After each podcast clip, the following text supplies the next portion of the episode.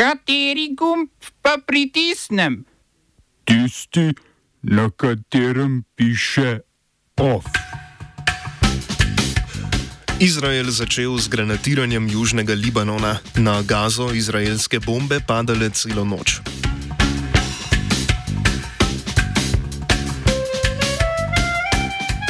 Britanska vlada begunce vrača na splav, kjer so staknili legionelo.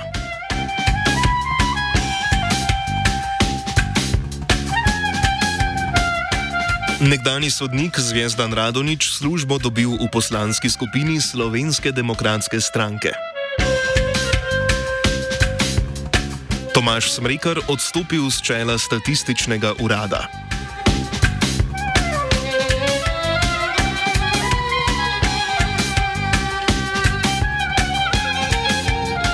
Dobr dan, poslušate OF na Radiu Student. Izraelska vojska je začela obstreljevati in granatirati južni Libanon.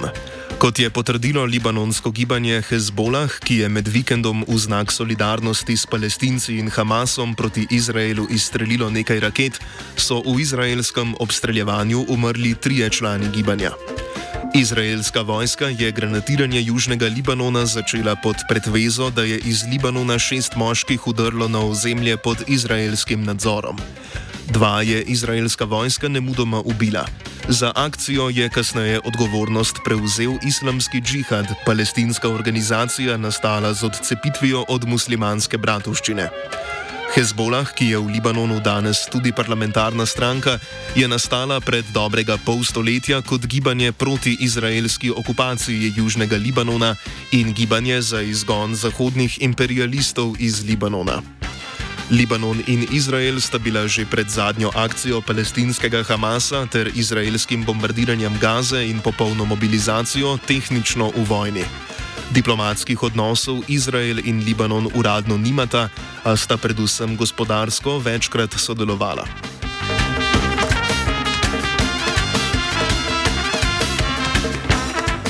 Po noči je izraelska vojska zbombardirala več kot 200 tarč v Gazi. Zravnala je celotne četrti mesta, v katerega je zaprtih prek 2 milijona palestincev.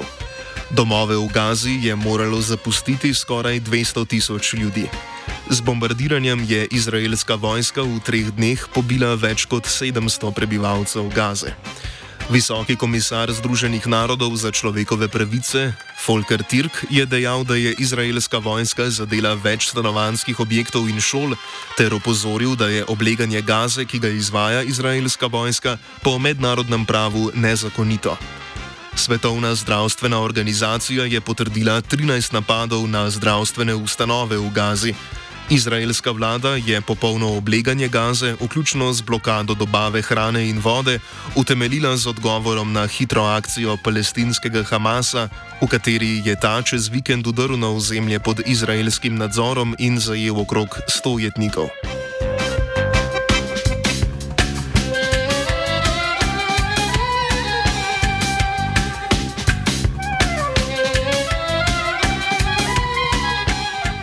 Osvobodilna vojska Kačina, znana kot Kija, je sporočila, da je v zračnem napadu na begunsko taborišče na severu Mjanmara umrlo najmanj 29 ljudi.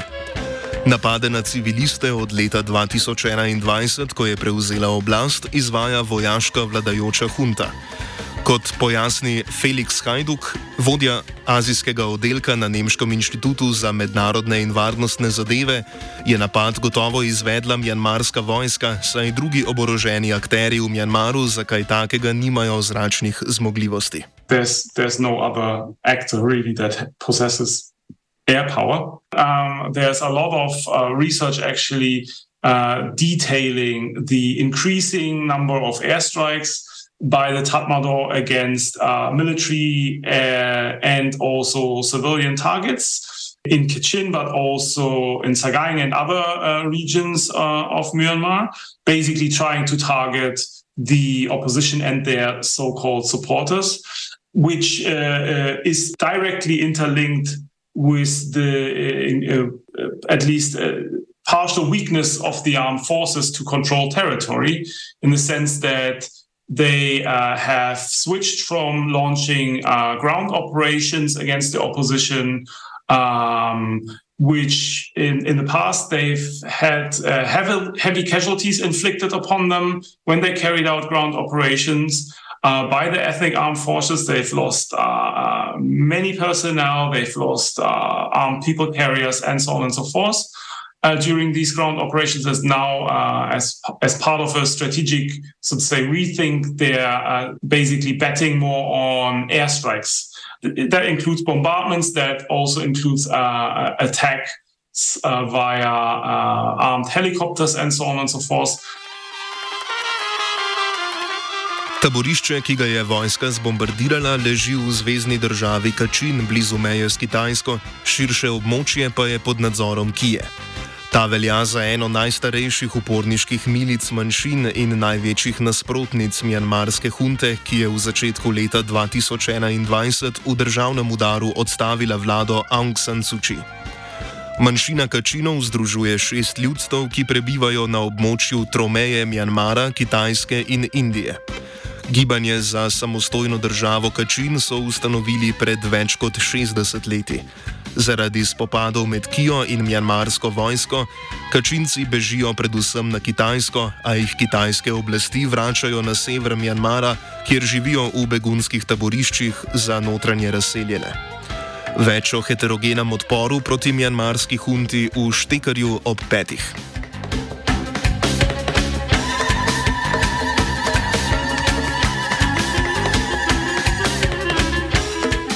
Britansko notranje ministrstvo je prosilcem za azil začelo pošiljati obvestila o premestitvi na plovilo Bibi Stockholm. Tja bodo prosilce začeli premeščati prihodnji teden, konzervativna vlada Rišija Sunaka pa trpanje beguncev na plovila argumentira z visokimi stroški njihovega bivanja v hotelih. 39 ljudi so na plovilo Bibi Stockholm poslali že 7. avgusta, a so morali plovilo evakuirati štiri dni kasneje, ker so begunci tam zboleli za legionelozo. Smo se osamosvojili, nismo se pa osvobodili. Naslednje število je še 500 projektov izpiljene modele, kako so se strani nekdanje LDS rotirali. Ko to dvoje zmešamo v pravilno zmes, dobimo zgodbo o uspehu. Takemu političnemu razvoju se reče udar. Jaz to vem, da je nezakonito, ampak kaj nam pa ostane? Brutalni obračun s politično korupcijo. To je Slovenija, tukaj je naša zemlja, to je Slovenija, Slovenija, Slovenija.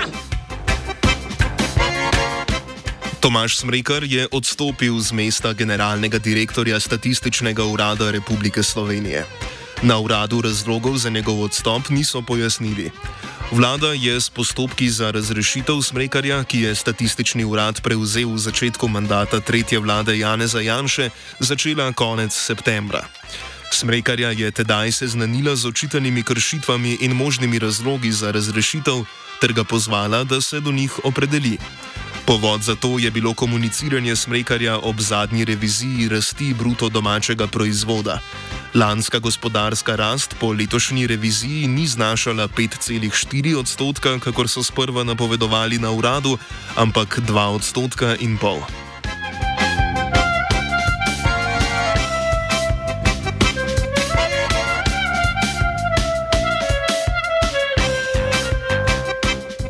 Ljubljansko okrajno sodišče je izreklo oprostilno sodbo Ludviku Tomšiču, obtoženem kaznivega dejanja grožnje Janezu Janši.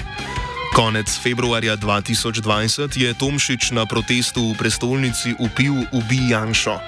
Sodnica Jerca Oblak je presodila, da so njegovi vzkliki predstavljali grožnjo in da so bili podani znaki kaznivega dejanja. Sodni izvedenec psihiatrične stroke pa je podal oceno, da se Tomšič v tem času zaradi osebnostne oziroma duševne motnje ni mogel obvladati. Okrnjena je bila njegova zmožnost razumevanja, zato je bil pravno neprišteven in posledično ni mogel biti kriv kaznivega dejanja. Toživka je za Tomšiča zahtevala pogojno zaporno kazen štirih mesecev zapora s preizkusno dobo enega leta. Oprostilna sodba še ni pravnomočna, toživka še razmišlja o pritožbi.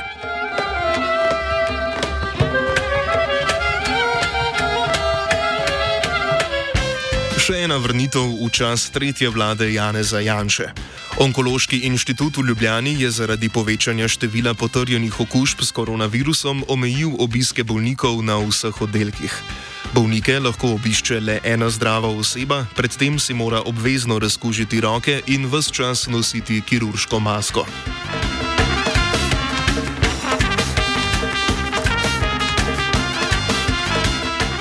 Nekdani okrožni sodnik Zvezdan Radonič je postal strokovni sodelavec v poslanski skupini opozicijske slovenske demokratske stranke, poroča portal Necenzurirano. Radonič je znan po oprostitvi Milka Noviča, ki ga je bremenila obtožnica o umoru direktorja Kemijskega inštituta Janka Jamnika. Radonič je leta 2021 prenehal z opravljanjem sodniške službe, ko ga je kot samostojnega podjetnika najela finančna uprava, ki jo je vodil Ivan Simič.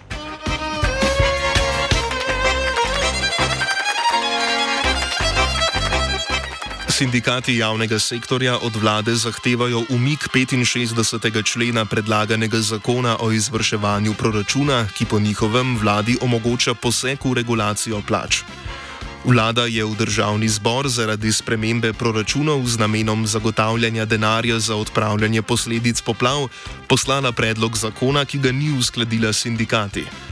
Če bo državni zbor zakon potrdil, bo po trditvah sindikalistov 65. člen vladi omogočil, da v prihodnjem letu zamrzne plače v javnem sektorju oziroma onemogoči napredovanje in usklajevanje z inflacijo. OF je pripravil kolektiv aktualno-politične redakcije. Na radiju študent ni nič, nič, um, nič resnega.